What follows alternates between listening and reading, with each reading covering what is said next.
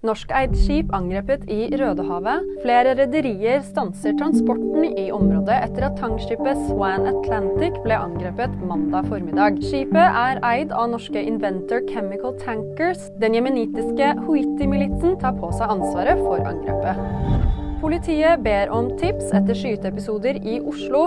Ingen er pågrepet etter de to skyteepisodene som skjedde i Oslo søndag kveld. Episodene skjedde med kun få timers mellomrom på henholdsvis Sinsen og Karl Johan. Politiet ser foreløpig ingen sammenheng mellom de to hendelsene, og sier etterforskningen er av høyeste prioritet. Mindreårig jente mistenkt for drapsforsøk. En mindreårig gutt i Åsane i Bergen fikk knivskader i ryggen fredag. En jente ble først mistenkt for grov kroppsskade, men er nå mistenkt for drapsforsøk. Gutten er skrevet ut av sykehus.